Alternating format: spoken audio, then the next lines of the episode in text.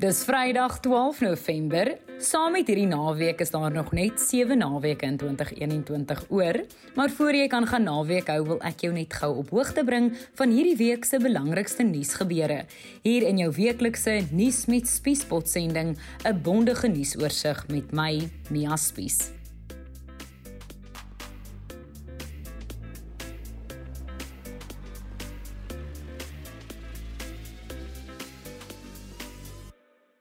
In 'n netedop het oud-president F.W. de Klerk om verskoning vir apartheid gevra in 'n videoboodskap kort voor sy dood. Die minister van Finansies, Ina Godongwana, het sy eerste mediumtermynbegrotingsraamwerk gelewer. Eskom skaal beerdkrag af na 'n donker week. Moti broers wat in Polokwane ontvoer is, gevind. Derde van volwasse Suid-Afrikaners ten volle teen COVID-19 ingeënt. Leeu's in 'n Singapore dieretuin toets positief vir COVID-19 en Travis Scott gedagvaar na stormloop by konsert 8 lewenseis. Net voor ons begin, onthou jy kan elke week hierdie podcast in jou WhatsApp inbox kry. Druk net op die skakel in die plasing hierbo. Hoofnuus die week is dat oud-president F.W. de Klerk donderdag by sy huis in Fresnay in Kaapstad aan kanker oorlede is. Hy was 85 jaar oud. De Klerk was Suid-Afrika se laaste president in die ou bedeling en is saam met oud-president Nelson Mandela vereer met die Nobelprys vir vrede. Die F.W. de Klerk Stichting het hierdie video na sy dood vrygestel waarin de Klerk om verskoning vra vir apartheid. I without qualification apologize for the pain and the hurt and the indignity and the damage that apartheid has done to black, brown, and Indians in South Africa. I do so not only in my capacity as the former leader of the National Party, but also as an individual.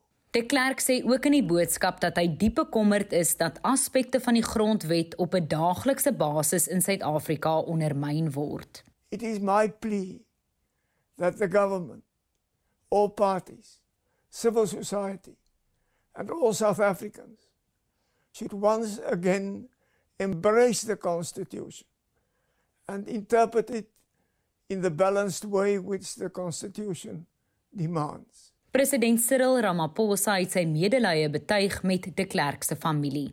It saddens us because he did play a key role in ushering in democracy in our country.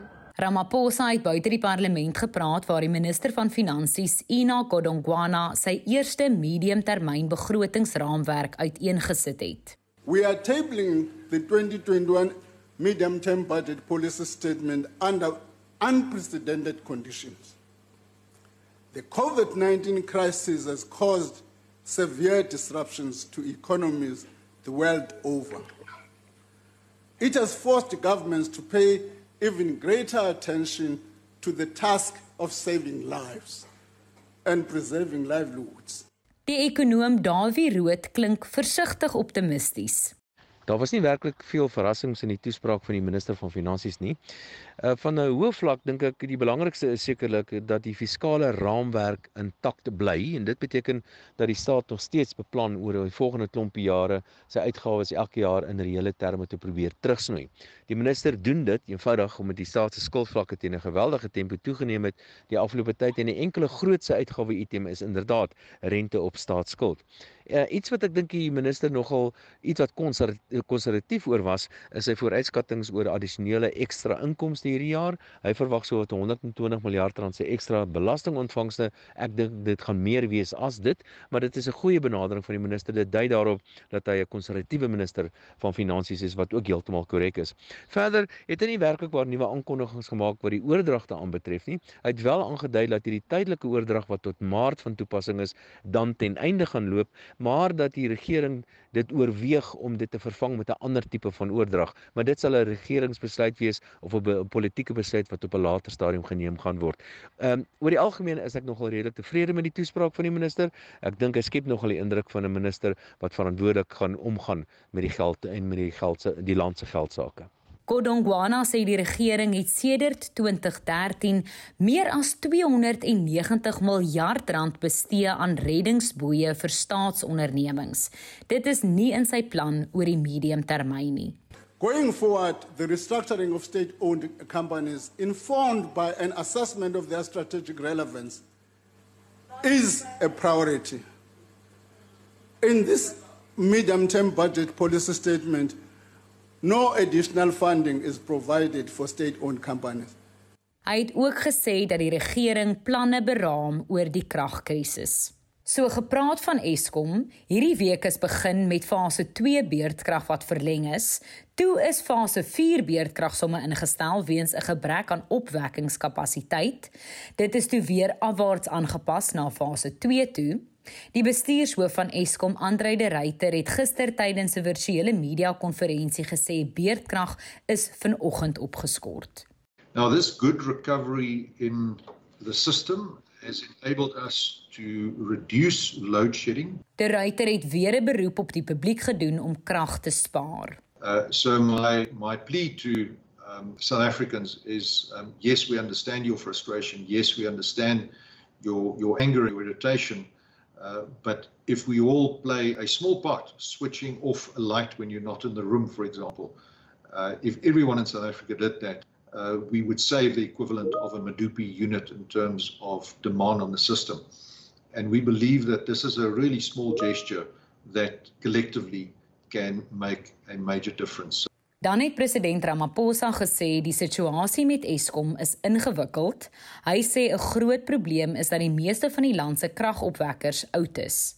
Die president was aan die woord by 'n ANC dankseggingsgeleentheid na die munisipale verkiesing. The direction that we now need to move towards is to restructure ESCOM, to restructure it in a way that will enable us to have a generation, but that generation should be able to have to, to, to purchase generated electricity from others and uh, the state continues to own the transmission because that is the pipeline that must belong to the people of South Africa.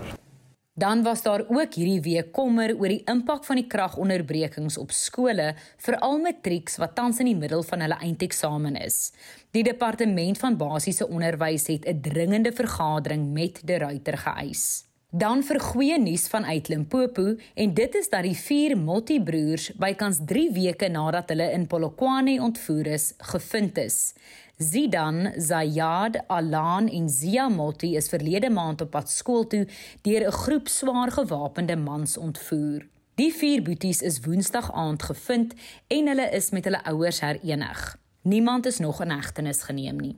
Nou na COVID nuus, volgens die jongste syfers is bykans 23,7 miljoen dosisse en stowwe nou al in Suid-Afrika toegedien. Die waarnemende direkteur-generaal van die Gesondheidsdepartement, Dr Nicholas Crisp, het bevestig dat bykans 'n derde van Suid-Afrika se volwasse bevolking nou ten volle ingeënt is. Hy sê dit tesame met die maatreëls kan beteken dat die 4de vlaag van infeksies wat teen Desember verwag word, minder ernstig gaan wees as die 3de vlaag. Dan in Singapore het 4 leeu's in 'n dieretuin positief getoets vir COVID-19. Dit nadat bewaarders wat die virus onderlede gehad het met hulle in kontak was. Die bedreigde Asiatiese leeu's het glo net ligte simptome, hulle hoes en hulle nies, maar daar word verwag dat hulle ten volle gaan herstel. Dan na Amerika waar die kletsrymer Travis Scott gedagvaar word na 'n dodelike stormloop by een van sy konserte. Agt aanhangers is tydens die Astro World musiekfees in Texas dood toe mense teen die verhoog gedruk het. Baie ander mense is ook beseer. Hy het hierdie boodskap op Instagram gedeel na die voorval. I'm honestly just devastated and I could never imagine anything this just happening. I'm going to do everything I can to keep you guys updated just keep you guys informed on what's going on. Dan eindig ons in Portugal waar dit nou onwettig is vir jou baas om buite werksure vir jou 'n boodskap te stuur.